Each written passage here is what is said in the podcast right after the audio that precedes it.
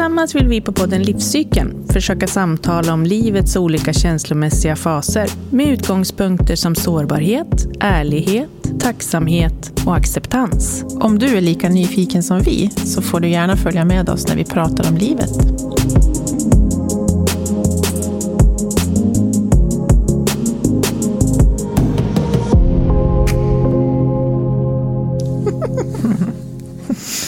Vi börjar med att fnissa idag. Ja. Vi slutade med att fnissa förra gången. Ja, Ja, du har ju en fnissexpert med dig. precis. Fnissfia. Fnissfia Westlund. Ja, Westlund. Jag tänkte på det för- förra avsnittet, just det där med, med eh, Sönsvalls-dialekten. Ja. Jag tycker det är bra att vi inte tullar på den, alltså, för det Nej, vore ju... Det vi, Nej. är ju, Ja, vi är ju som vi är. precis. Det är ju ö, ö, öarnas dialekt. Ja, det är härligt. Ja, det har gått nu några veckor sedan vi spelade in Ja, första. precis. Och det har ju gått, vi har ju längtat nu Ja. efter att få spela in igen naturligtvis, för vi tyckte ju att det var så himla roligt. Vi kom ju till och med fram till att vi vill inte göra någonting annat. Nej, Vi vill så, bara så podda. det. Så att, eh, ja, det är bara att Roger eh, ser till att det finns två sängar här, så kommer vi Och så kan vi få en liten utbildning i Ja. eh, knapparna. Precis, så kommer vi att vara här nu sen, som två hustomtar. Ja. Ja. Vi kan koka kaffe också innan. Ja, då, vi kan, vi kan, göra, Mm, vi kan göra någonting för att vi får vara här. Kanske inte så mycket, men något kan vi väl bidra med. Ja. Ja, men hur eh, tycker du att det känns, Katarina? Efter första avsnittet, hur kändes liksom? När du fick reflektera lite efteråt. Jo, men alltså att lyssna på det sen var ju jättespännande. Dels är man ju, som du säger, med dialekt och man lyssnar ju inte på sig själv så mycket i vanliga fall. Men det kändes också väldigt eh, kul. För den känslan vi hade då, det var ju att nu, nu var det så kul för vi hade kommit igång. Och, och då, efteråt så var vi verkligen igång. Framförallt när den kom ut där på för allmän lyssning. Då var Lite det på riktigt. pirrigt, ja. Så nej, men jag tycker det, det har känts toppen och vi har fått eh, vi har ju fått fin feedback faktiskt. Mm. Mm. Verkligen. Både skriftlig och muntlig. Mhm. Det har vi fått. Mm. Och just eh, att... Nu framsade vi ju naturligtvis lite här i början med fnisset. Alltså. Ja. Men vi, har, vi, vi, kommer, vi lovar att vi kommer att hålla den här lite liksom, lagom tonen. Att det, vi har, det, har vi, för det har vi fått höra, att, vi hade, att det var en fin ton liksom, Mm. i, i avsnittet. Precis. Och att eh, det var lugnt, att det var behagligt. ett Behagligt, ord ja. som har, Ja, har dykt upp. florerat. Både att lyssna på och, och våra röster faktiskt. Ja, har jag också precis. Fått. Mm. Så att det ska vi ju ta åt oss och, och känna att bra. Mm. Och, vi, och vilken tur att vi har de röster vi har Ja. också. Så att, det, så att vi inte behöver- gått. så vi inte behöver göra om det. För det hade ju varit jobbigt. Mm. Ja. Nej, men så det, det, det har ju varit jätte, jätteroligt. Ja. Och det är ju liksom vår grej nu att vi ska inte göra om saker utan vi, vi, vi gör det som det är. Liksom. Mm. Mm. Ja, det här är ju verkligen på upp, uppstuds. Mm. Det är det. Ja. Så vad känner du då, Linda? Ja, ja, ja, jag fick faktiskt en liten sån här... Jag tror jag hade nog spänt mig lite mer än vad jag trodde. Hade du träningsvärk? Eh, Dagen mm, efter? ja, jag, jag, snarare så att, att jag tror jag slappnade av eh, lite grann sådär och eh, åkte på en liten magkatarr gjorde jag Gjorde faktiskt. det? Jajamän, det gjorde jag. Jo, jag hade nog spänt mig lite Ja. sådär, eh, insåg jag då. Så. För det är oftast när man slappnar av, det här klassiska, man blir förkyld på semestern och sådana där grejer. Och jag har ju såna här klassiska, om det liksom har varit mycket anspänning, ja men då sätter ju det sig någonstans i kroppen. Och då Och blir för det mig- magkatarr av det. Ja, ibland blir det. Eller, ja, jag kan ju komma till dig någon gång ibland, då har det satt sig Ja. hela nackpartiet. så får du knåda upp det. Jag brukar, den brukar vi ha också. Eh, nej, men så jag tror att ehm, det var nog en liten sådär eh, anspänning. Och det, just att, eh, det var som jag pratade med en av mina äldsta vänner eh, just om det och hon hade lyssnat och, och sådär också. Och hon frågade liksom, ja, men hur det kändes och sådär. Och då, det enda sättet som jag kunde förklara det riktigt på, jag tycker om metaforer. Ja, jag gillar men de är fina. Ja. Eh, så, det, så, så jag kan ju förklara det för dig nu så som jag förklarade det för henne. Då. Eh, Att om man tänker att man har... Det finns ju en, en bild eh, av att man kanske har gått och, och, och släpat omkring på en död häst. Mm. Ja, och att man har släpat den där döda hästen i väldigt, väldigt, väldigt många år. Eh, Och inte blivit av med den. Eh, Men nu för mig då så är den här döda hästen kanske bara en liten, liten, liten del av en liten kalv kanske. Eller någonting så. åsna. Något, så liksom, något litet, litet djur som hänger där och skvalpar på. Som jag liksom, ja, lite, eller är väl väldigt redo att släppa taget om också. Så, och jag tror nog att i våra samtal här och det vi kommer att göra här kommer förmodligen att göra att jag kommer liksom att kunna eh, släppa taget av det där lilla skvalpande djuret, vad det nu än kan vara, som hänger kvar i ryggslutet. Liksom. Precis. Mm. Så, att, och, så att det känns ju jättebra. Men jag tror att det var den anspänningen lite grann som eh, liksom släppte. Och då fick jag en liten sån tre, tre dagars, nu kan jag inte äta någonting. Så gick det över. Men är det en liten? Tre dagar? Ja, det Eller? beror på vem man pratar med. Ja, precis. Ja. Det gör det ju. Ja, Ja. precis. Nej, men så att... Ja, jag delar den, känner jag. Att så, så, så blev det. Men eh, nu är det ju... Och, men av godo, liksom. Det Ja. var ju ingenting som... Oj, vad jobbigt det blev för mig. Absolut inte. Helt, helt och hållet tvärtom. Och jag, i, I den där känslan så visste jag att det här är inte av, när, inte av ondo, den här magåkomman jag fick här nu. Utan det här kommer att gå över och sen så blir det bara ännu bättre. En övergång. Precis. Mm. Vi kommer att lära oss så otroligt mycket. Ja. Och vi kommer få vara så nyfiken. Och, ja. Mm. Mm.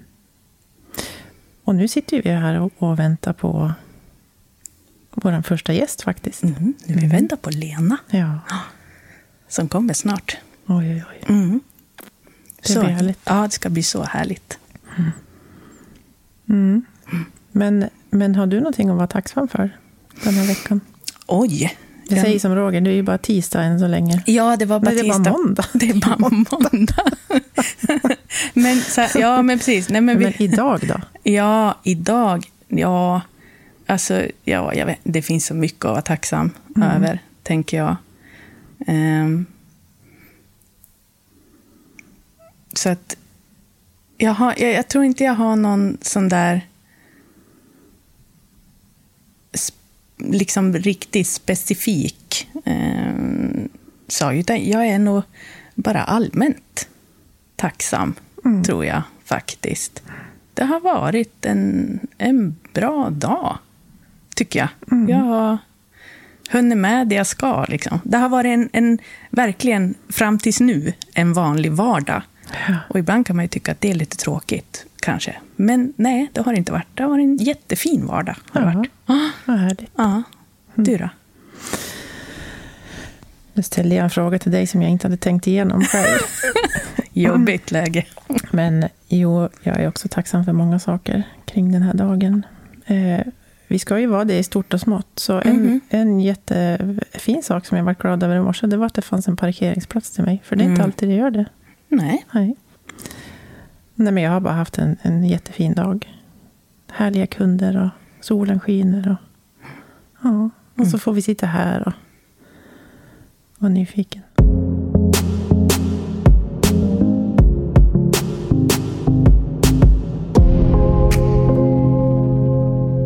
Nu har Lena kommit Nu har in Lena hit kommit. till oss. Hej, tack Hej. för att jag får komma. Så kul att ha dig här. Mm, vi är jätteglada. Mm. Vi får väl se. Precis hur det går. Nej, men Lena, du är ju här idag. Vi har ju ett tema Mm. idag när du kommer till oss. Och det är ju självmedkänsla. Mm. För det är ju någonting som du... Vad sa du förut? Du missionerar nästan Ja, det känns lite som att det är det jag vill göra. Och som jag har chansen att få göra, Mm. faktiskt. Men vi kan ju börja. Du kan få berätta lite grann om dig själv, Lena. Vem du är och, och eh, vad du gör i ditt yrke. Kan vi börja lite grann med kanske? Ja, jag är ju eh, sjuksköterska i botten.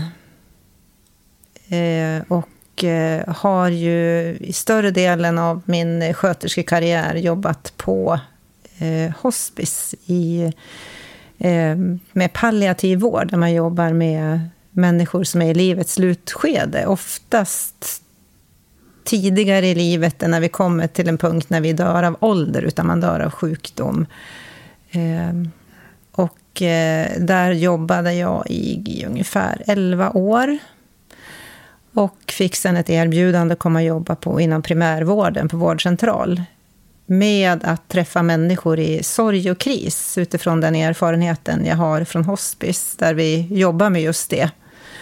Såklart. Och, eh, så nu jobbar jag som eh, samtalsterapeut och håller kurser i mindfulness och självmedkänsla. Även andra kurser som är kopplade till stress och utmattning.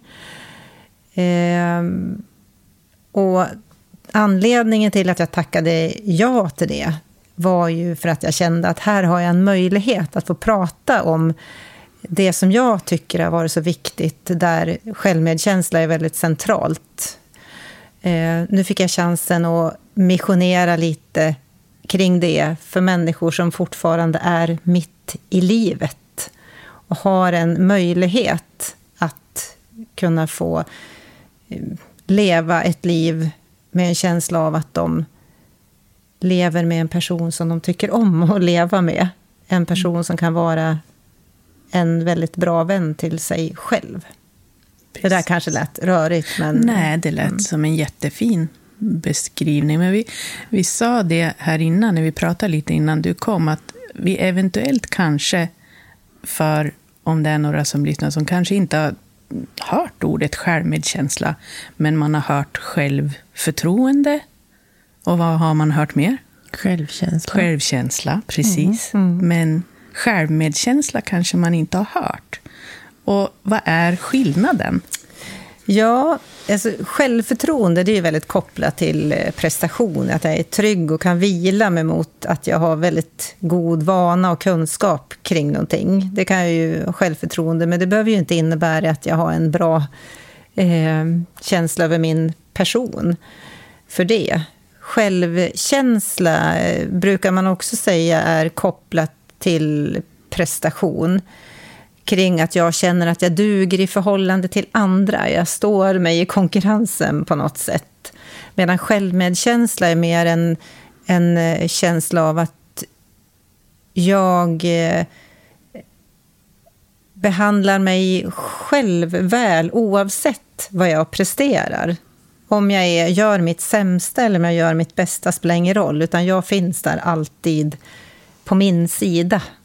Det handlar ingenting om att värdera bra eller dåligt, utan jag är här för mig, punkt. Väldigt... Ja, det är ju där man vill Det är där man vill vara. vara. Ja, Ja. Men började ditt intresse i mindfulness och sen gick det vidare i nej, om vi ska gå långt tillbaka kan jag nog säga att jag har nog haft i större delen av mitt liv en ganska dålig relation till mig själv faktiskt. Jag har nog alltid från det jag var liten känt, eller ja, när man blir äldre och börjar reflektera över vem man var, aldrig varit riktigt nöjd med vem jag var. Flyttade runt mycket och hade nog en känsla av att jag behövde passa in och göra andra till lax. Var ju mindre viktigt vad jag själv... Jag reflekterade aldrig över vad jag tyckte om mig själv. Jag hade perioder där jag eh, inte tyckte om mig alls. Hamnade i en ätstörning, i anorexi och i... Jag hade en period när jag ja, men, hetsåt och, och i, kräktes. Du vet, det här tappa bort mig själv mm. helt enkelt. Eh, och sen började jag intressera mig lite för så här, men vad är det som gör att jag mår så här? Vad är det som gör att jag aldrig riktigt känner att jag mår bra? Liksom?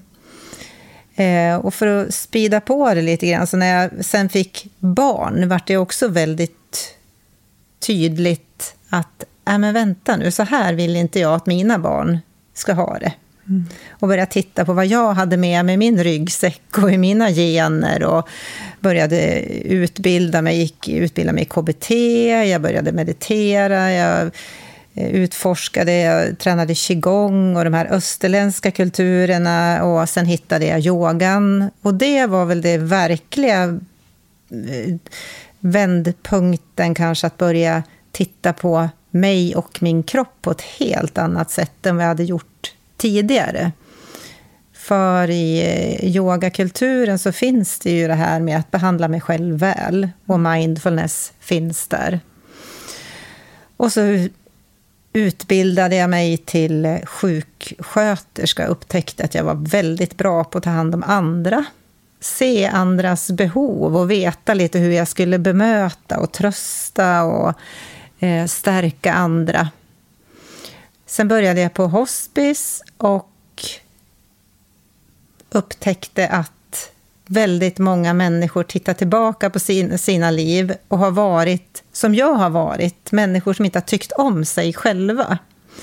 Att de har levt med en kritisk röst inuti sig själv som ständigt har talat om att du är för tjock, du är för usch hur du ser ut och vad du, varför sa du det där dumma och varför är du så klantig och varför är du så? Och, eh, det väckte ju den här känslan av att jag verkligen börjar fundera på, men vänta, nu ska det vara så här. Eh, och jag, bruk, jag har en berättelse om en kvinna som verkligen satte ord på det här. En, eh, en av gästerna på hospice, en ung kvinna som kom dit. Jag vet inte om vi har tid att berätta den, men ja, vi får absolut. klippa bort om det blir för Nej, eh, långt. Men det är en väldigt fin berättelse om eh, hur jag verkligen fattade liksom vikten av att vara sin bästa vän. Eh, och eh, den här kvinnan, jag ska försöka korta den lite, eh, kom till oss när hon var strax under 40. Hade fått en aggressiv pankreascancer som redan var spridd eh, riktigt mycket, redan när man upptäckte den. Eh, hon var mitt i livet, nyutbildad till sitt drömjobb. Hon hade man, hon hade två tonårspojkar. Och eh, hon var, det som var speciellt med henne det var att hon pendlade mellan att vara otroligt ledsen. Hon ville verkligen inte dö. Hon ville fortsätta leva och hon eh, var ju ofta otroligt ledsen och ångestfylld och grät. Och efter hon hade gjort det så hade hon en förmåga på något sätt att få ihop sig som jag tyckte var, som jag varit imponerad av. Mm. Eh, och en kväll när vi satt där och pratade med varandra, för vi hade en väldigt fin kontakt så där, så frågade jag henne, men vad är det som händer? Du är ju, jag förstår ju, du är ju så ledsen och förtvivlad. Och samtidigt kan jag uppleva att det finns någon, någonting som får ihop dig i slutändan. Och då berättade hon att eh, när hon fick diagnosen eh, spridd cancer så var den första tanken att tack och lov att jag har min man. Mm. Vi kan kalla han för Micke. han är ju min klippa. Han är den som jag kan luta mig mot, han är den som jag alltid kan gå till och han håller om mig och han tröstar och han talar om för mig att jag kan och att jag visst orkar och att jag är värdefull och så. Eh, så åh, hur skulle det gå om jag inte hade honom? Eh, det som hände var att han inte klarade riktigt av det här. Han visste inte hur han skulle hantera hennes eh, sjukdom, så han backade, vart mer frånvarande. Vilket gjorde henne förtvivlad såklart, och han visste inte hur han skulle göra. Och det där pågick ett tag och ända fram till att hon kom. Det fortsatt. Han backade nästan mer och mer och hade väldigt eh, svårt att trösta och komma henne nära. Och då berättade hon att hon hade kommit till en vändpunkt, att en kväll när hon hade varit väldigt extra förtvivlad och ledsen så hade hon tänkt att, men vänta nu. Även om han skulle kunna hålla om mig dygnet runt. Att vi i princip skulle sätta i, sitta ihop som en, en och samma kropp. Äta tillsammans, gå på toa tillsammans, sova, vakna, gråta, göra allt ihop. Så kommer jag ändå till den här stunden när jag måste gå. Och vem är det jag går med? Vem är jag att hålla i? Och utifrån det så började hon att skapa en bild av att hon mötte sig själv. Hon hade en, eh, en fyr som stod eh, inne på hennes rum som hon använde som fokuspunkt. Det var en liten lampa på den. Och så blundade hon och så föreställde hon sig att hon stod framför sig själv och höll om sig. Och sa till sig själv att här är jag. Jag är här. Du kan vara lugn. Allt kommer att gå bra. Lita på mig. Mm. Och ibland bara höll om. Bara kände att hon gav sig själv en kram. Så det är vad jag gör. Och hon sa det att med tiden, hon sa det ibland så trodde jag inte ens på mig själv. Kändes lika hemskt ändå. Men när jag hade gjort det där några gånger så märkte jag att det faktiskt gjorde skillnad Att hon eh, kände sig lugnare när hon pratade med sig själv på det lugnande, mjuka, trygga sättet. Så det var hennes sätt att få ihop sig mm. igen. Och då verkligen fattar jag vad, det, vad den här inre dialogen gör och kunde koppla ihop det med det andra som jag hade lärt mig. Mm. Men det för mig är det, åh, vi kan prata i timmar, år om saker och ord, bajs mm. om allt mm. möjligt. Men det här var verkligen att förstå vad den här eh, rösten inuti oss gör. Det är ju väldigt kraftfullt att kunna känna att man kan hjälpa sig själv. Ja, Mm. Som ju all forskning numera visar på, eller all, men det finns otroligt mycket forskning kring det här med self-compassion, självmedkänsla. Mm. Där det pekar mot att när jag har en inre röst som är stöttande, tillåtande, respektfull och varm, så bygger jag upp en psykologisk motståndskraft. Men kan man mm. säga då att hennes historia fick liksom dina teorier att, att landa i dig? Ja, ja. Den, de landar i praktiken på något sätt. Mm. Så det är någonting som jag verkligen har tagit till mig eh, och övat på.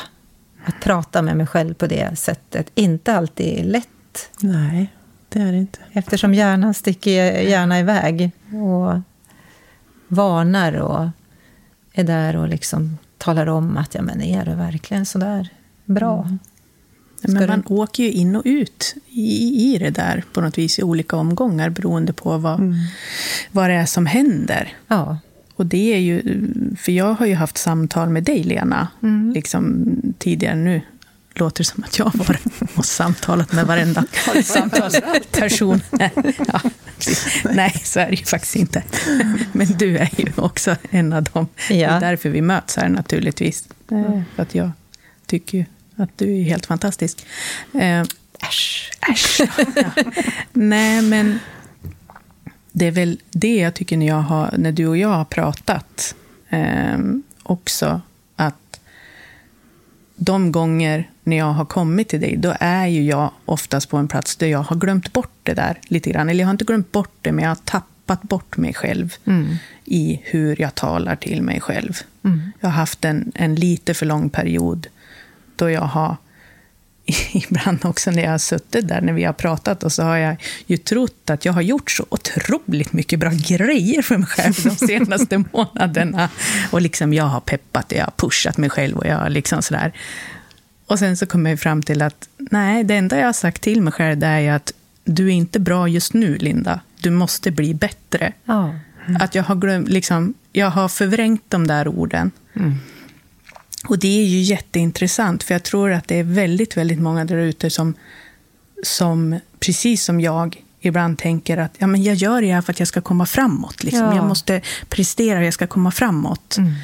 Eh, men det enda jag säger till mig själv hela tiden att där du är nu, det är inte gott nog. Ja. Så. Mm. Och, och det eh, tror jag är väldigt, väldigt vanligt. Mm. Att det är så att man tror att man håller på att göra sig själv en tjänst, men man hela tiden trycker ner sig själv lite, lite. Mm. Så också. Mm.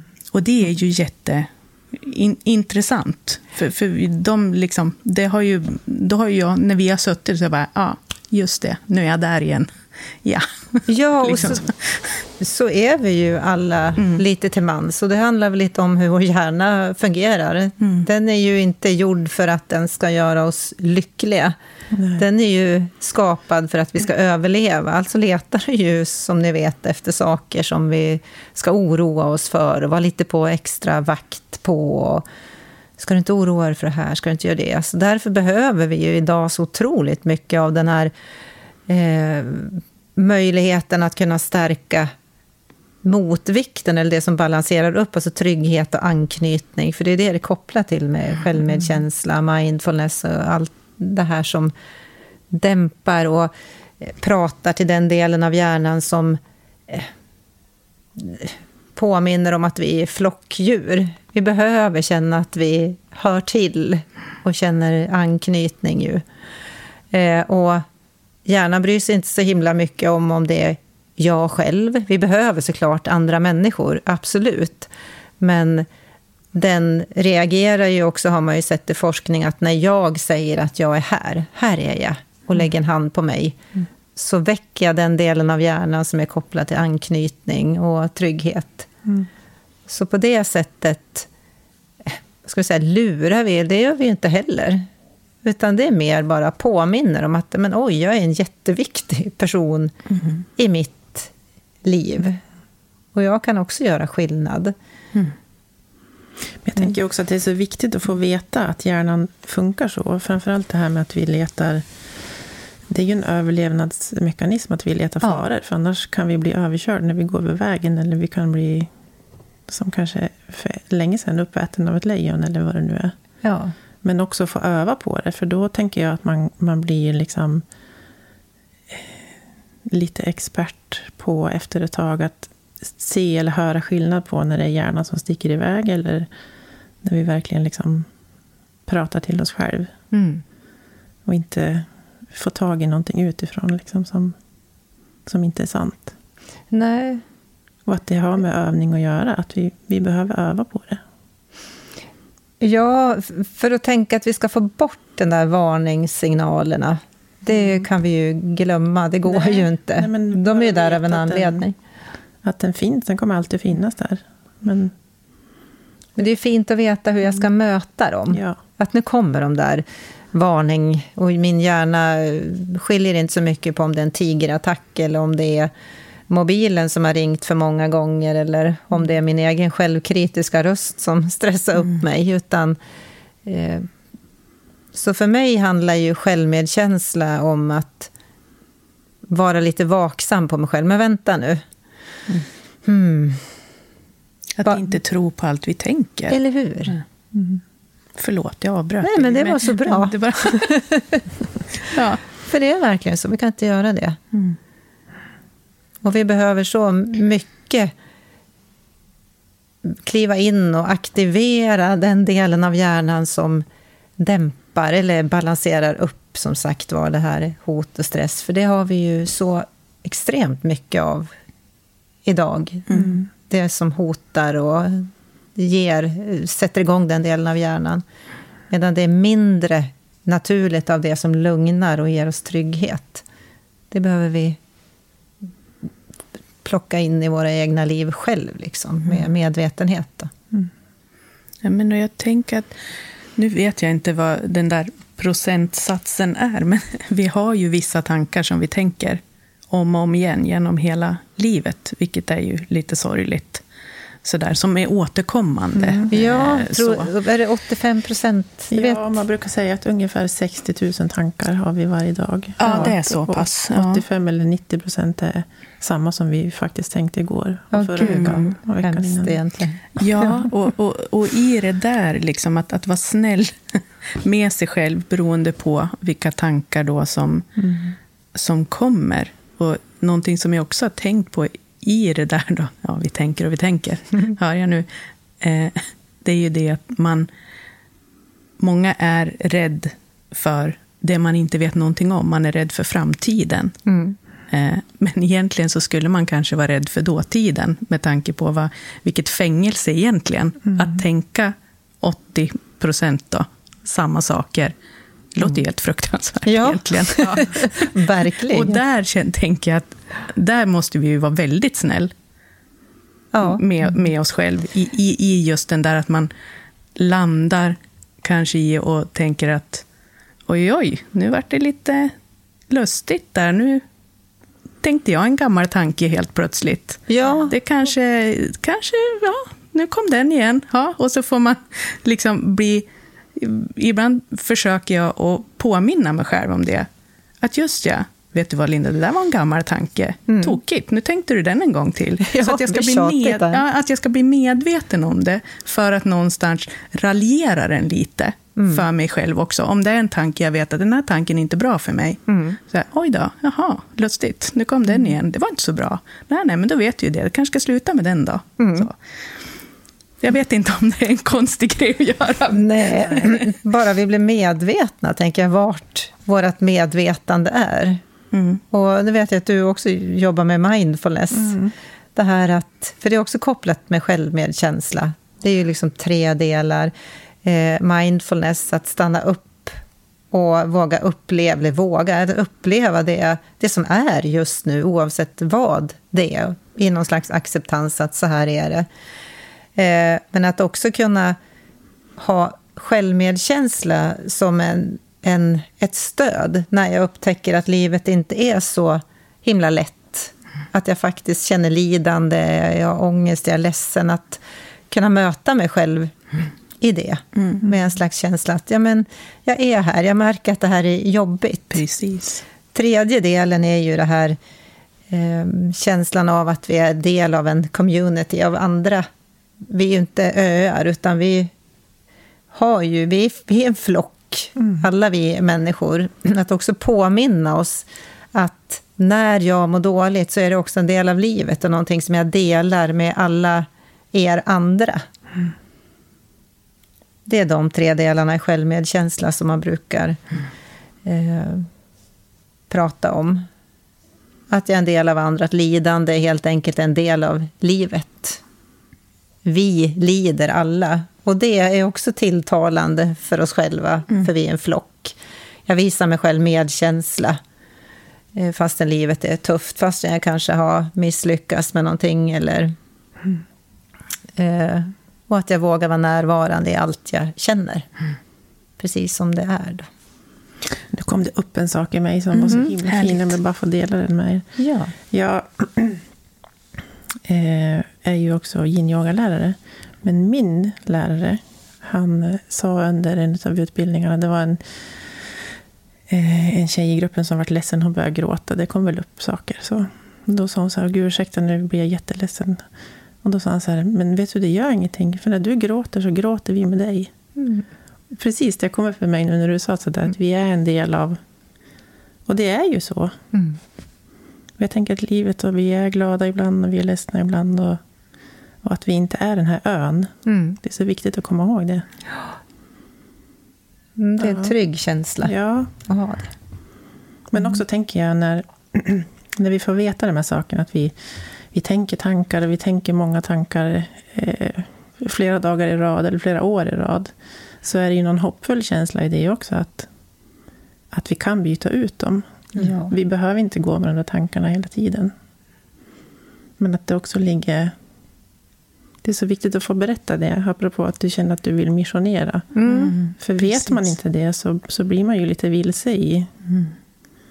I sina egna känslor. Liksom, och hur ska jag komma ur det här? Ja, man blir lite fånge i sitt Ja. eget huvud. Liksom. Man går, det går bara runt. Nej, men vetskapen om att vi kan träna om vår hjärna och att det ofta går lite fortare än vad kanske till och med tror, så är det ju en väldigt stor... Eh, finns det mycket hopp i det. Att tänka att om jag stannar upp flera gånger om dagen, pratar med mig själv på ett vänligt sätt, lägger handen mot bröstkorgen och bara talar om för mig själv att här är jag. Vad kan jag göra för dig? Så märker man ju att det behövs inte så många dagar innan hjärnan börjar tycka om att göra det här. För den vill ju också känna anknytning och trygghet. Eh, så att den här gesten som jag alltid brukar lyfta fram som så viktig, det här att lägga handen mot bröstkorgen och eh, hitta en varm, medkännande inre röst som bara... Hej, här är jag. Vad kan jag göra för dig? Den börjar jag alltid dagen med. Det är liksom en, viktigt för mig. För annars så upplever jag att det drar nog gärna åt det här självkritiska hållet ganga fort. Att det börjar här, usch vad trött jag är, vad jobbigt det Kliva upp är. och titta sig i spegeln. Ja, gud vad hemskt. Trött du ser ut. Ja, men när man har den där Ja. rösten med sig som Ja. per automatik säger men åh herregud. Liksom. Och det tycker jag är en jämförelse att göra. Det är ungefär som jag skulle komma in i det här rummet och titta på dig som men herregud, ser du ut? Har du glömt bort att du har den där gråa hårstrån? Ja, men visst. Gud vad Som gammal du har blivit. Nej, men de, den typen av dialog kan man ju ha med sig själv när vi står framför spegeln. Ja, så Hår. skulle du ju inte tala till din bästa vän. Nej. Nej. Det, och det är, väl, det är väl det man ska tänka. Det är en jättebra påminnelse. Ja. Det du säger till dig själv nu, skulle du säga så till någon annan? Mm. Nej, förmodligen inte. Om du inte är en väldigt ond människa. Nej, För, precis. för någonstans är det de så elaka saker som man kan säga till sig själv. Det är ju det är grymhet egentligen. Mm. Faktiskt. Så att bli sin egen bästa vän. Ja. Men det var ett fint tips du sa där. Jag tänker till, till alla. Mm, Ja. jättefint. Börja dagen på det viset. Mm. Man kan avsluta dagen, man kan stanna upp lite nu och då. Åh, hur, hur är det här inne? Hur mår du? Mm. Jag är här. Och påminnas om att ja, men jag är den här personen som har känt dig hela ditt liv. Det finns ingenting som vi inte har delat ihop.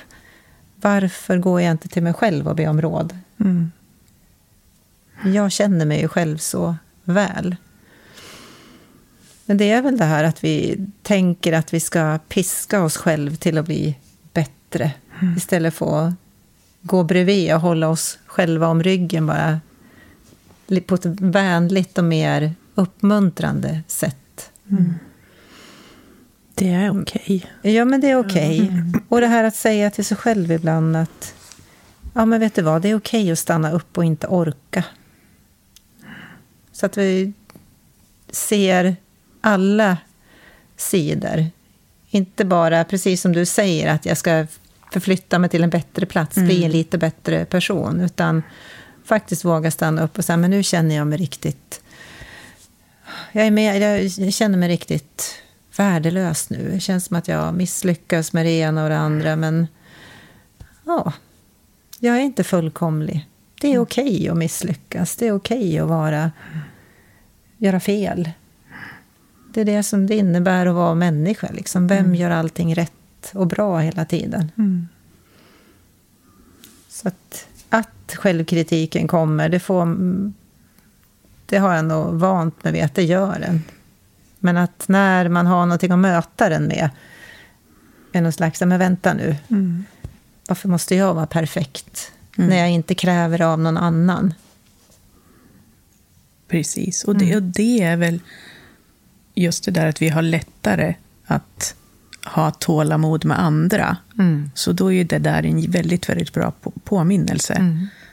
Hela tiden, liksom att ja, men jag, jag har tålamod med andra, så då måste jag också ha tålamod med mig själv här nu och stanna i det här. Ja. Det är okej. Okay. Men visst kan, det kan ju också bli lite tvärtom, tänker jag. Visst kan det bli så, Lena, att om man, om man övar på sin egen självmedkänsla så får man också en större medkänsla för andra människor. Mm. Att det kommer liksom automatiskt.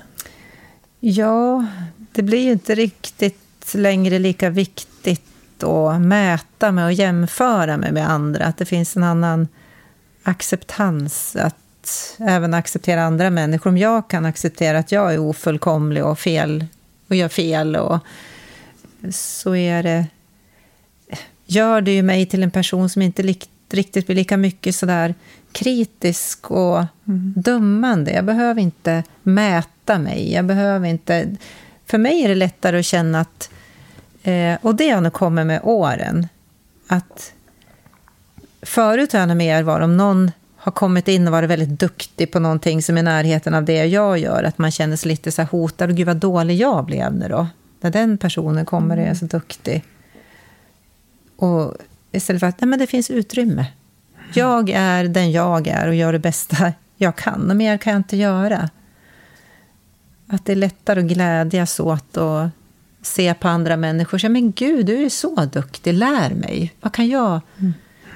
Så känns det, att man öppnar hjärtat mm. på ett annat sätt när jag kan tycka att jag inte behöver prestera, mm. utan jag gör mitt bästa. Självmedkänsla handlar väl mer om att hjälpa mig att vara en människa som jag tycker om att vara. Att jag har någon slags eh, värdekompass hur jag vill leda mig själv i livet. Ja. Vart det begripligt? Det där? Ja, ja, men absolut. Men jag tänker att, hur tycker du, Lena, lite sådär jämförelsevis med när du jobbar på hospice och när du i dagsläget i samtalsterapi och så är det, tycker att, är det samma saker man tänker på och, och ifrågasätter sig själv kring i livets slutskede som det kan vara i mitten av livet? Eller hur skiljer de här liksom, anklagelsen, eller vad jag ska, hur mm. jag ska mm. säga, hur skiljer de sig åt, liksom, tycker du? Ja, skiljer sig lite på så sätt att när du är i vid livets slut så kan det mer vara en, en eh, sorg över att jag har behandlat mig så själv illa. Att det kan finnas någonting där i slutändan, något förlåtande. Att men oj, varför var jag så dömande och eh, kritisk? Och varför, varför stannar jag inte upp och eh, var mer närvarande och tog tillvara livet? Jag har lite som du sa, är det många som tänker att ja, men jag är på väg framåt hela tiden. Man var aldrig riktigt mm. där. Mm. Man... Eh, var på väg till nästa ögonblick. Att bara jag gått klar med en utbildning eller bara det blir fredag så ska jag slappna av. Eller bara barnen blir stora, då ska vi leva. Att man hela tiden har sprungit lite före sig själv och inte stanna upp och lyssna. Men nu var jag på rätt plats där och då. Eller, utan man liksom har bara kört på mm. per automatik. När man Eh, och så kommer den här rädslan kanske lite, men hur ska det bli att dö? Den eh, blir ju central då såklart. Men någon upptäckte jag, någon filosofisk tanke jag fick när jag började på vårdcentralen, det var mer det här att folk är såklart rädda för att dö, det här okända, hur ska det, vad är det? Det är ingen som vet och kan komma tillbaka och berätta. Men där är människor som är mitt i livet är mer rädda för att leva.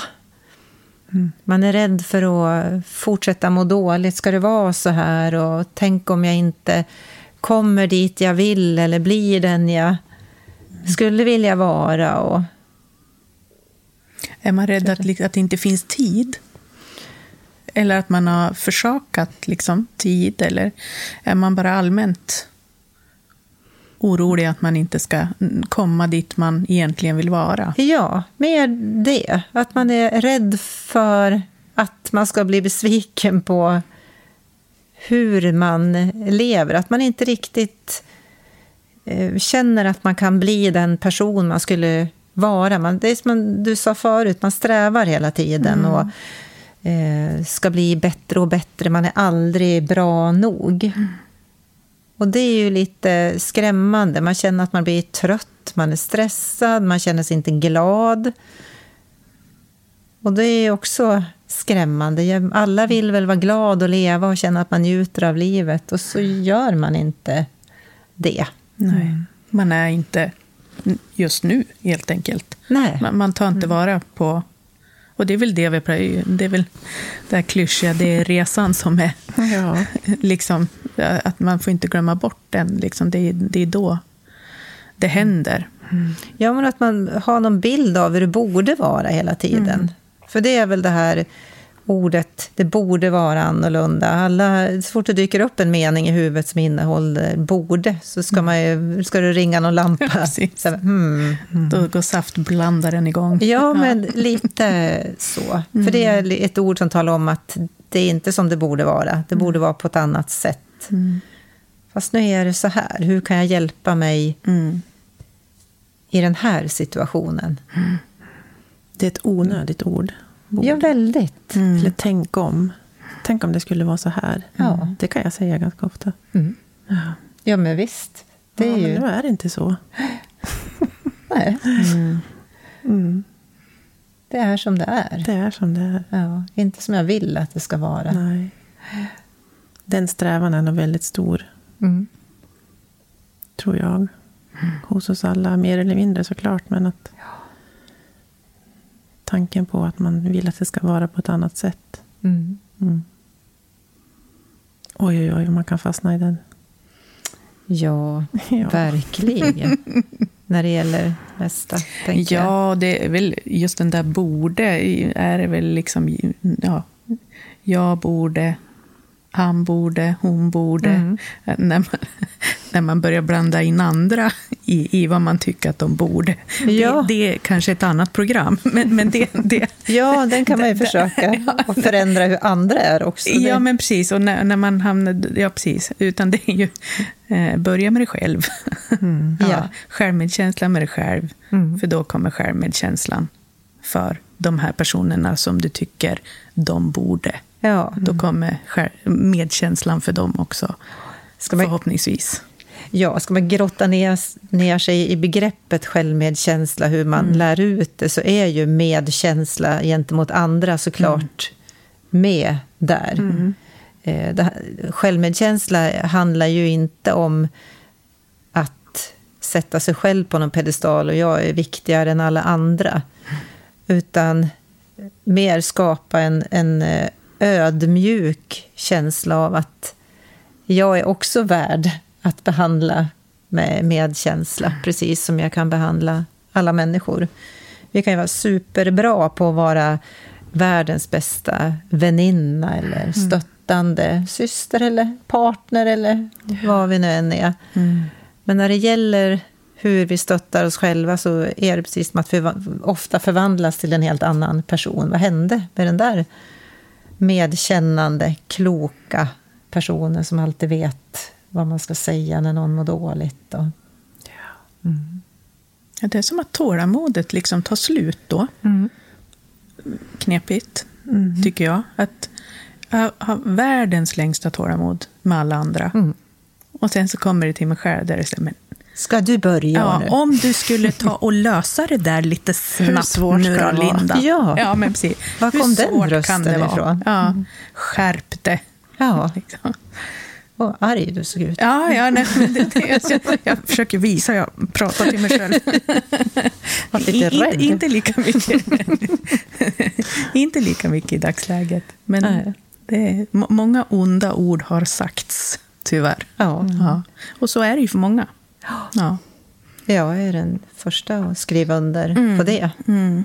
Men vad skulle du säga då, Lena, har varit den viktigaste, liksom, största förändringen för dig sen du började öva på, på din självmedkänsla? Allmänt i livet, liksom, vad har... Ja, och det har inte kommit som någon eh, blixt från klar himmel, utan det är nog bara allt eftersom har jag känt att jag vågar lita på att jag är en person jag kan lita på. Jag vågar känna att när jag vänder mig inåt så möter jag en person som är vänlig. Som eh, faktiskt har en del kunskap som jag kan dra nytta av. Och framförallt så har jag erfarenhet av mig själv så jag kan råda mig själv hur jag ska göra. Eh, Och att det finns en person som skyddar mig emot de här automatiska negativa tankarna som dyker upp. Eh, också att jag har blivit en person som kan sätta gränser för hur andra får behandla mig.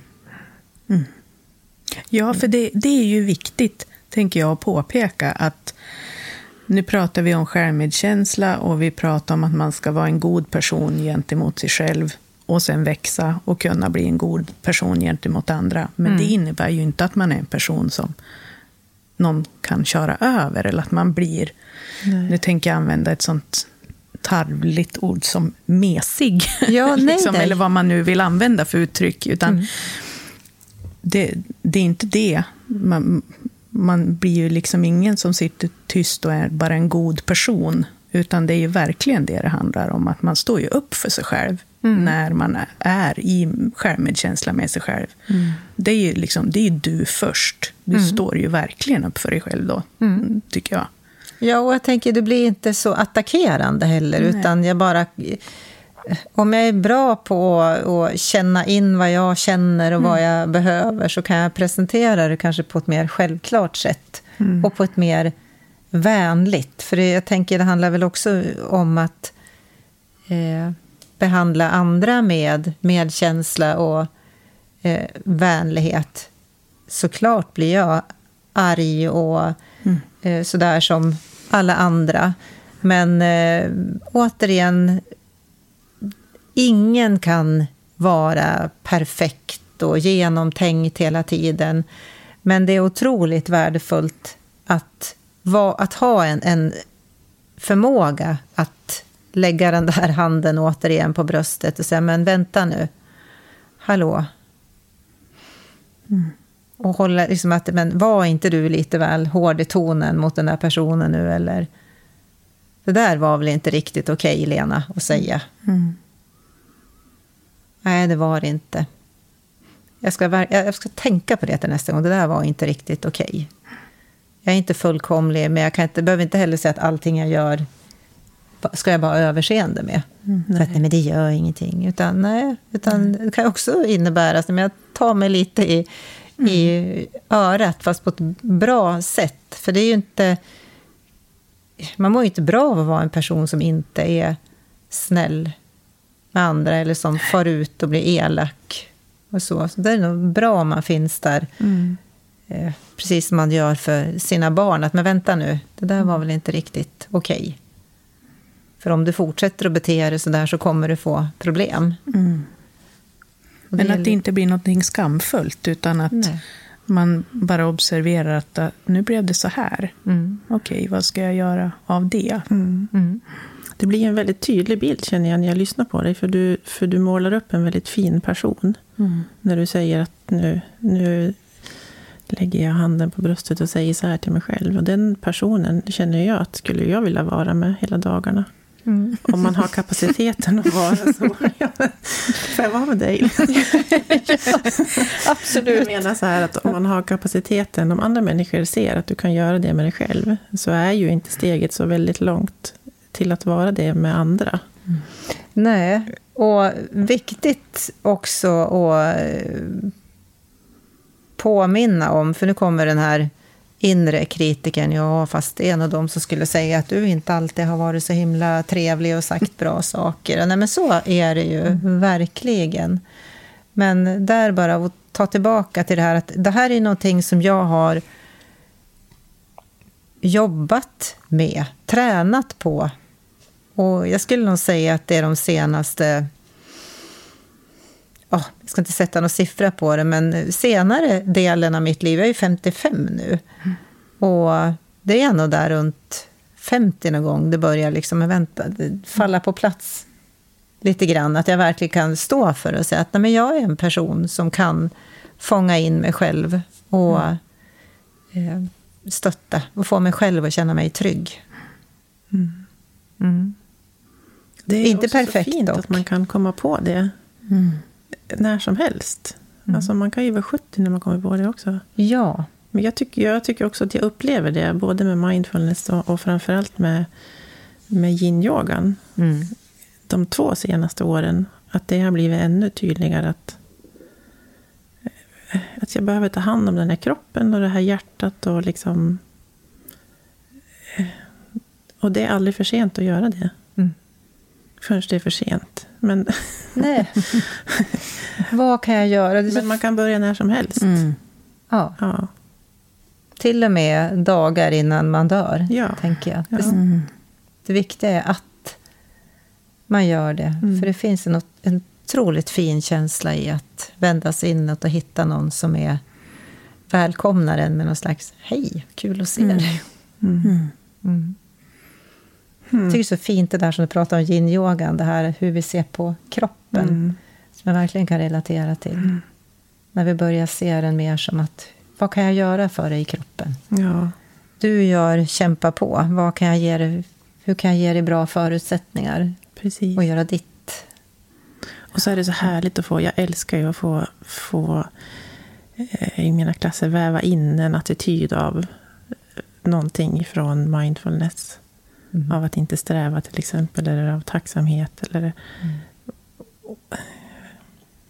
Och det blir så, i alla fall för mig, och jag hoppas att det blir det för mina elever också, men det blir så lätt att få in det i kroppen när vi, tycker jag, när vi ligger i en position och verkligen tänker att ja, jag kanske ska sluta sträva efter det där ja. som jag gör varenda dag. Jag och tänker så får du vi nå... ligga där ett tag liksom, och ta in det. Mm. Istället för att bara tänka en tanke på tre sekunder och sen fortsätter den iväg. Liksom. Jag tänker du är öppen för att ta emot i, i den typen av aktivitet i mm. yogan? Att Därför det... att det finns ett utrymme och det ja. finns tystnad och det finns tid. Mm. Ibland känns ju fem minuter som 30 sekunder. Mm. Jag skulle vilja hålla kvar 20 minuter ibland. Mm. I en hjärtöppnare där man bara kom och ta mig ja, men det är väl jag en skön känsla. inför tacksamheten. Ja. Ja. ja, men det är nog det här med tacksamhet, precis det du säger. Mm. Att det är en känsla av att tack. Det är, det är något öppet i det. Mm. Det här det är någonting som är bra. Man, ja, men precis som du säger, att ta mm. emot. Mm. Ja, det det finns så mycket fint. ja, det gör det. Katarina. Det finns mycket fult då. ja, nu tar vi upp något dåligt tycker jag. Måste balansera upp det lite. Ja, herregud. Du sitta här och tramsa. Jag är alltid för mjuk. Nej, men det, du, nej, du är så fin, Katarina. Ja, verkligen. Mm. Är det någon jag skulle vilja yoga med, är det dig. Nej, men tack. Ja. Dina mjuka ögon som man bara säger, åh, åh. Man blir alldeles smälter ihop. tack. Mm. Mm. Nej, men alltså jag känner bara så här, det är så viktiga saker vi pratar om. Ja, det är jätteviktigt. Det är otroligt viktigt. Är det. Vad säger du, Roger? Oj, ska jag lägga mig i det här nu? Ja, men bara en liten Ja, men lite, vad, vad, vad, hur- känner du att du har fått mer förståelse för det vi Eh, pratar om idag? Alltså, in, ja, men in, ja, kanske lite grann. Jag, jag sa precis, alltså när Linda och Katarina kom idag, eh, Lena, så sa jag att jag, har, jag förstår liksom inte riktigt skillnaden på eh, ens självkänsla och självförtroende. Självförtroende vet jag ju vad det är, för det har jag mycket av. Bra. Nej då. Men, men just självkänsla och, och nu blev det ju väldigt avancerat här med självmedkänsla. Med själv... Nej, själv, Själv- Självmedkänsla. precis. Eh, så jag säger nog pass på den här frågan faktiskt. Och skulle behöva en förklaring som ett barn Ja, vad självmedkänsla är. självmedkänsla handlar om att stötta sig själv i, i alla lägen. Inte bara eh, berömma sig själv när det går bra eller tycka om, känna någon känsla av att ja, men jag är bra jämfört med andra. Gud vad svårt det var att förklara nu. Eh, ja, men, ja, men självmedkänsla handlar om att vara en person som är, spelar i mitt lag, som är på min sida oavsett vad jag gör. Mm. Som eh, korrigerar mig när jag inte kommer ihåg att stoppa mig så jag inte beter mig bra. Någon som eh, håller om mig när jag tappar kraft och bara behöver få känna mig hållen ett tag. Det kan ju jag göra Att själv. man har som en extra Roger bredvid sig eller bakom sig. Ja, om man är snäll. Ja, om man är snäll. Ja, precis. Just det. ja. Ja, nej men ett bra sätt att förstå vad självmedkänsla är, det är ju som till exempel, vi brukar göra en övning, jag gör med enskilda samtal och i grupp, att man får först föreställa sig att man möter en person som man tycker väldigt mycket om. Någon man har, som har funnits eller finns i ens liv nu, någon som man eh, verkligen också vet tycker om mig. Att stå framför den personen och föreställa sig, men hur känns det att möta en person som jag tycker väldigt mycket om, som jag bryr mig om och som jag får värme och vänlighet tillbaka ifrån. Så känner man på den en liten stund och sen i nästa del är att möta en annan person och stå framför. Och den gången är det dig själv. ja, just det. Och då brukar det bli en väldigt stor eh, liksom reaktion på så här, hmm, hur kände jag då när jag står framför mig? Mm. Eh, det är inte ovanligt att ja, men man börjar gråta eller känner, usch, bara så här, men oj vad jag har. Varför känner jag så här när jag ser på mig själv? Jag blir genast kritisk eller gud vad du ser trött ut. Eller med vad som helst, det första som dyker upp i huvudet. Medan man, när man plockar fram en person man verkligen tycker om, bara känner man, åh men gud vad härligt att få se den här personen. Förstår du skillnaden? Ja, absolut. Jag förstår bättre. Mm. Men jag, jag ska prova den där. Ja. Ja, och också tänka hur, vad vill jag säga till den här personen? Vad, hur vill jag, hur låter min röst när jag pratar med den här personen? Mm. Tänk om jag skulle prata på samma sätt med mig själv. Helt Ja, enkelt vara en riktigt schysst vän. En riktigt stöttande i alla lägen. För man, om du har en kompis som inte är, ja men som har gjort, gjort något dumt och är jätteledsen för det, så försöker du stötta hen i det också, tänker jag. Medan vi, när vi gör någonting dumt, Mm. Ja, visst. går vi in i någon självkritisk rannsakan. Men hur kunde du? Du borde väl veta bättre och så vidare. Just det. Ja, men, det, ja, men det börjar klarna. Jag förstår. Bra Roger. ja. Ja, precis. Vad som helst, bara du inte förklara en gång till. Ja, Nej, men som jag sa förra avsnittet också, jag är ju en otroligt odjup person om man ska uttrycka det så. Mm. Så att eh, ja, jag kommer att få lära mig mycket. Hur kunde vi bli så olika? Det Ja, kanske är nu det är dags. Ja, det är nu det är dags. Att faktiskt, vi har ju inte sagt det hittills, men, men det är ju så att Roger är min eh, bror. Och jag är hans syster. Mm. Och vi sa den tidigare, vi kanske ska tala om det så att inte jag säger någonting eh, knasigt eller extra kärleksfullt och så förstår ingen varför, varför vi beter oss så. Men nu vet, nu vet alla det. Ja, Mm. precis. Jag tror inte att vi är så olika egentligen. Hörru. Nej, kanske inte. Nej. Det, allt handlar om övning, Roger. Ja, ja men verkligen. Mm. Jo, men det är ju det. Det här är ju ingenting som man bara gör en gång och så är det Nej. klart.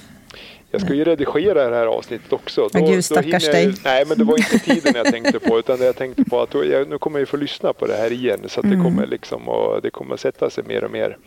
Så kommer jag att liksom förstå det här lite bättre. Du är fin du. Nu hoppar jag ur här så, så Ja. får ni fortsätta prata. Nej, precis. Och det är väl det där också, tänker jag, som Roger sa nu, just det där med att jag är inte så djup. liksom, så att, det, att, eh, att man tänker att det är det, att man, att man måste vara, vad nu det innebär, det, det är ju individuellt naturligtvis. Men, men att det, det här handlar ju om alla. Mm. Liksom. Det här är ju inte en viss grupp av personer. Nu sitter vi här och har ju mm, kanske kommit lite längre på vägen då, hur man talar till sig själv, eventuellt. Till och från, Till och skulle jag från. vilja säga. Ja. Ärlighet vara längst i det här programmet. eh, nej, men men att det, det är ju, ja, det, det är ju liksom, det här är ju för alla. Alltså det här är ju hur, hur vi fixar våran vardag egentligen. Alltså det, det är inte konstigare än så. Hur vi talar till oss själva, hur vi, vad vill vi leva för typ av liv tillsammans med den personen som du inte blir av med ja, förrän vi säger tack och godnatt. Och det är ju oss själva. Precis. Och jag tänker här att bli bättre på att verkligen lyssna på mig. Men vad behöver jag? Vi, Många jag möter tänker så, "Åh, gud det här skulle jag, jag träffar ju vuxna människor som säger, men det här skulle ju mina barn behöva lära sig. Alla skulle behöva lära sig det här i skolan, hur man tittar på sig själv med vänliga ögon. Vad behöver jag? Vad, vi matas ju hela tiden och jag tänker fram, framför allt, inte minst den yngre generationen, tonåringar, det här med kroppsideal och hur, vad är det vi ska leva upp till? Man jämför sig och man går in och tittar på vad ska jag äta, hur ska jag röra på mig, hur många steg ska jag gå på en dag och hur stora läppar ska jag ha? Och, men du vet, Jobbigt. jättejobbigt. Hur många frågar sig liksom, men vad, vad behöver jag? Är jag hungrig? Ska jag äta mer? Eller är jag mätt nu? Eller behöver jag röra på mig? Vad kan jag göra för mig? Vad behöver jag? Vad mår jag bra av? Men Jag tänker ju också på, du får, eh, vi ska se vad du tänker om vad jag tänker. Men att, att man kan koppla på lite det här med bekräftelse på, alltså om man är duktig på självmedkänsla, eh, att man kanske inte behöver så mycket bekräftelse utifrån. Nej, Hör det ihop? Eller är det, det hör jättemycket Ja. ihop. att man kan faktiskt bekräfta sig själv och som du säger, ställa frågor till sig själv och få ett svar. Och Mm. vad är bra och vad är mindre bra? Mm. För det här handlar väl återigen om det här med flockkänslan. Om jag, om jag har en inre kritisk röst som ständigt liksom kritiserar mig eller jag är inte bra nog eller eh, så blir ju bekräftelse utifrån väldigt viktigt. Mm, Styrs ju väldigt det. mycket av det. Men det gör jag inte om jag kan säga men jag duger. Mm. Och så här ser jag ut. Så här är jag. Jag gör mitt bästa. Jag vet att jag har... Jag vill vara en bra person. Och jag gör det bästa jag kan för att vara det. Mm. Och då blir ju som, nej men det är sant, då blir inte bekräftelsen av andra lika Mm. viktigt. Nej. Man faller inte ihop om någon tycker att men vad är det där för idiot? Det kanske jag skulle ha gjort tidigare om någon skulle säga men gud det där var riktigt dåligt Lena. Det behöver ju inte ens vara det ibland. Alltså ibland kan man ju också reagera bara på en blick eller en, en kroppsrörelse eller om man är på sin vakt hela tiden, Mm. tänker jag, och, och ha en ganska låg självmedkänsla. Så, så fort de där hoten kommer, och det behöver inte alltid vara i form av ord, Mm. tänker jag. Utan det kan vara vad som helst. Om man är van att leta efter det där farliga, liksom, Mm. som, som inte bekräftar mig. Eller som säger att jag inte är bra. Eller, Nej. För det är liksom hotdelen av hjärnan. Den här som söker faror, som är misstänksam hela tiden. Och kan jag då lugna mig själv med att tala om, med, tala om för mig själv att det är som det ska. Mm. Du gör det bra, du gör ditt bästa. Då har jag den här trygga, lugna delen av hjärnan som är aktiv. Och jag blir ju inte lika... Jag ifrågasätter ju inte andra. Jag blir inte lika kritisk gentemot andra heller då. Mm. För att det är man säger, rätt sida av hjärnan Mm. som är mer inkluderande. En hjärna som söker faror, den vill ju liksom Mm. jaga bort eller fly. Liksom. Och så blir det också så himla fint när det är, när du säger, du säger inte att jag är jättebra, utan du säger bra. Mm. Och det blir ju ett väldigt ödmjukt sätt att se på sig själv och eh, andra också. Mm. Att inte sätta sin, liksom, sig själv på en piedestal, men, men jag tror också att det är lite farligt att sätta andra där ibland. Mm. Så att det blir väldigt neutralt bra. Alltså Ja. det känns skönt, liksom. Att det får vara så. Ja, Tillåtande. absolut. Ja. Jag tänker det är så... Nu ska man liksom utmärka sig, man ska göra någonting extraordinärt, man ska ha eh, 100 000 likes på sin YouTube-film och eh, gud hur många likes har jag på mina inlägg och man måste liksom åh, prestera i, i det. Nu vet jag inte var den faktan kommer från, men jag hörde någonstans att bland det värsta en, en människa kan höra idag, det är att höra att man är medelmåtta. Det är liksom inte, man ska vara mer. Så jag, absolut håller jag med det där.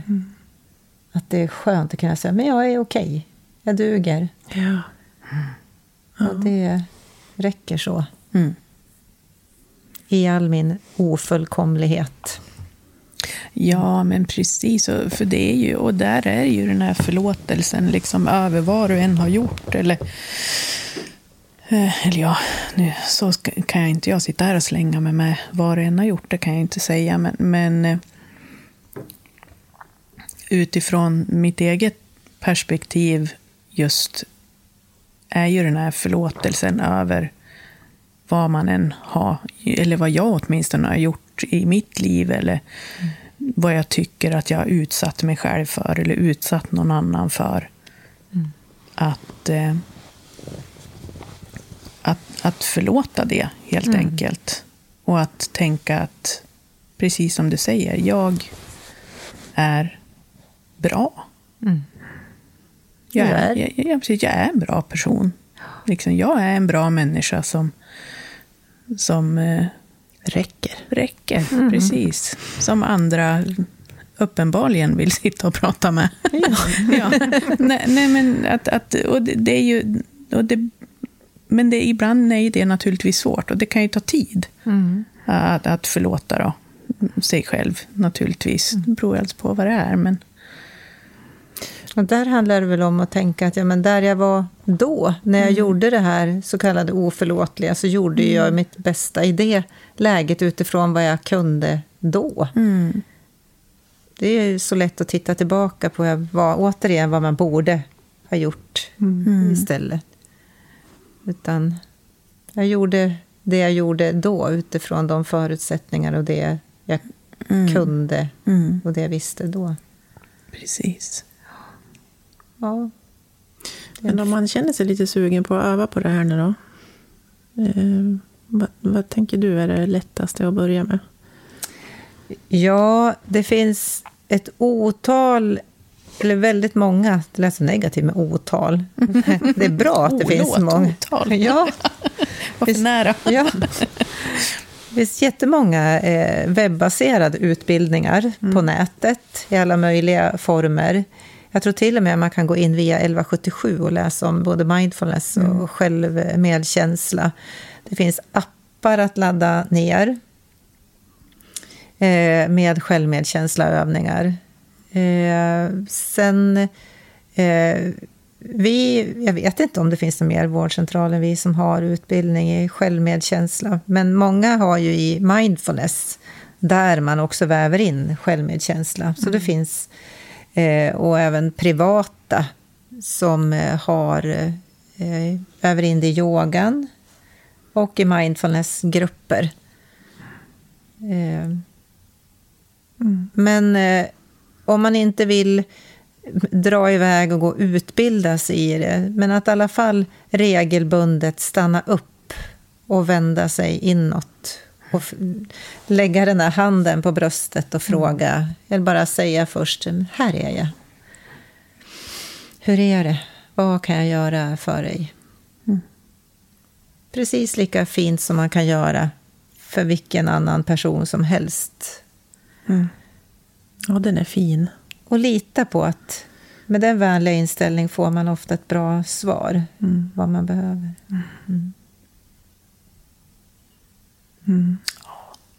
Det här var bra, Lena. Va?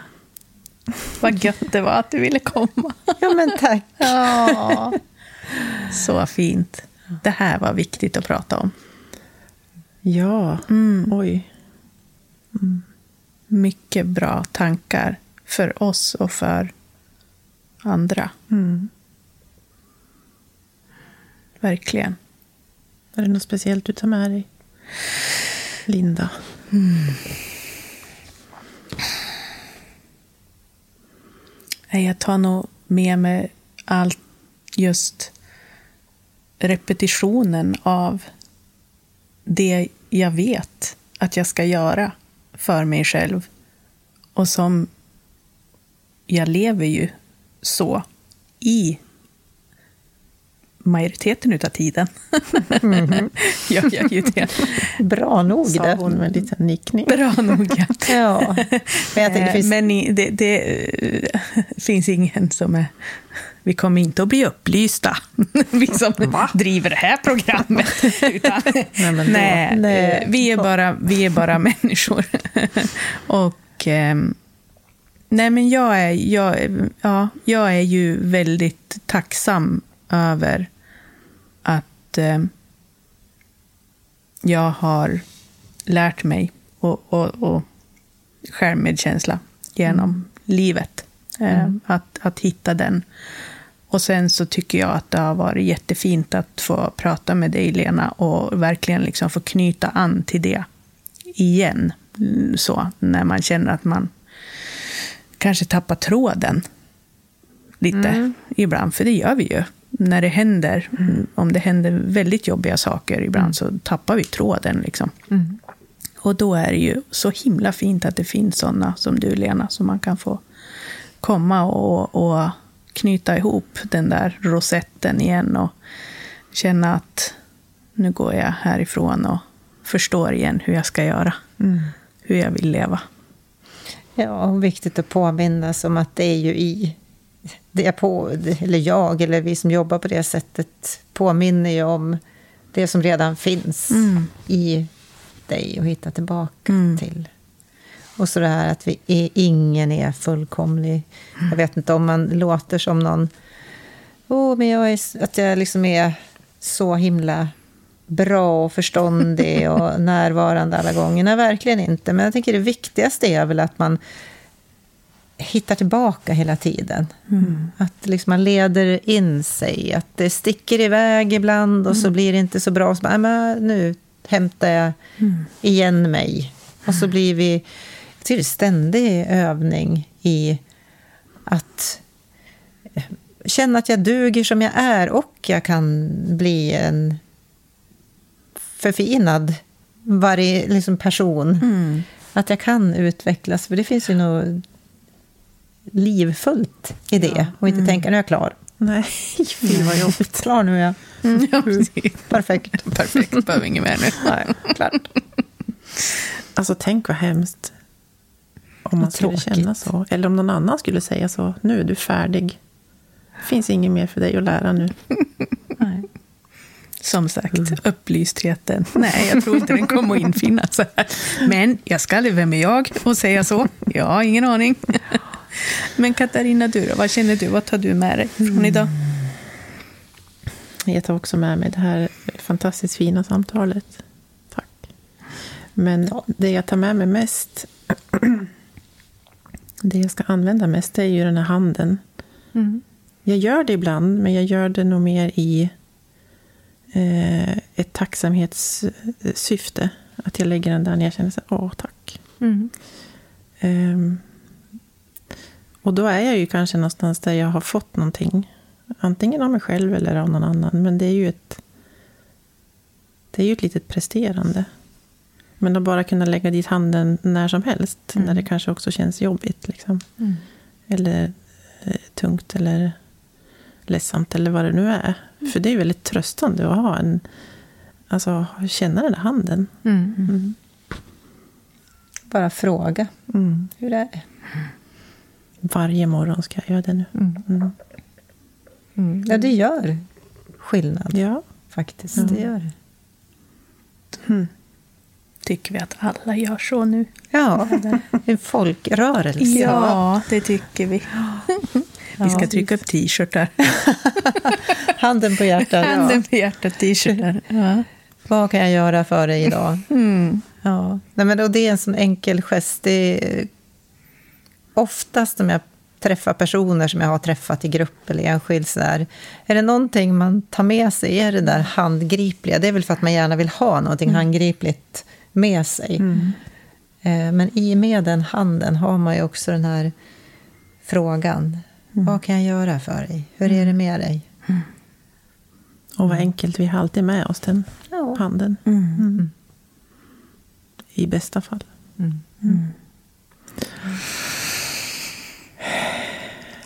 Ja. Vad känner du, Lena? Ja.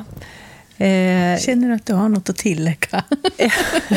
alltid ostoppbar när jag kommer ihåg. Nej, då. är bra. Nej, men verkligen inte. Men det, det är otroligt intressant. Det här är en ovan situation för mig. Jag har aldrig pratat i någon podd.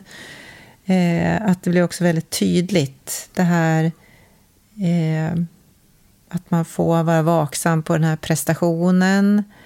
Den, den här inre kritikern som är där med en, med en massa kommentarer som blir jobbig. Men, så det blir samma process. där. Men du, du gjorde det bästa du kunde. Utifrån där du är idag. Och då blev det som det ska. Ja. Inte perfekt, men eh, jag gjorde mitt bästa. Eh, och förmodligen kommer jag komma på saker efteråt som att ja men såklart, det där skulle jag ju sagt. Det är jätteviktigt. Hade jag förklarat på det sättet hade ju även Roger förstått kanske. ja, men, eh, ja, nej, men framförallt jättekul att eh, få komma hit och prata med er. Superkul. Tack.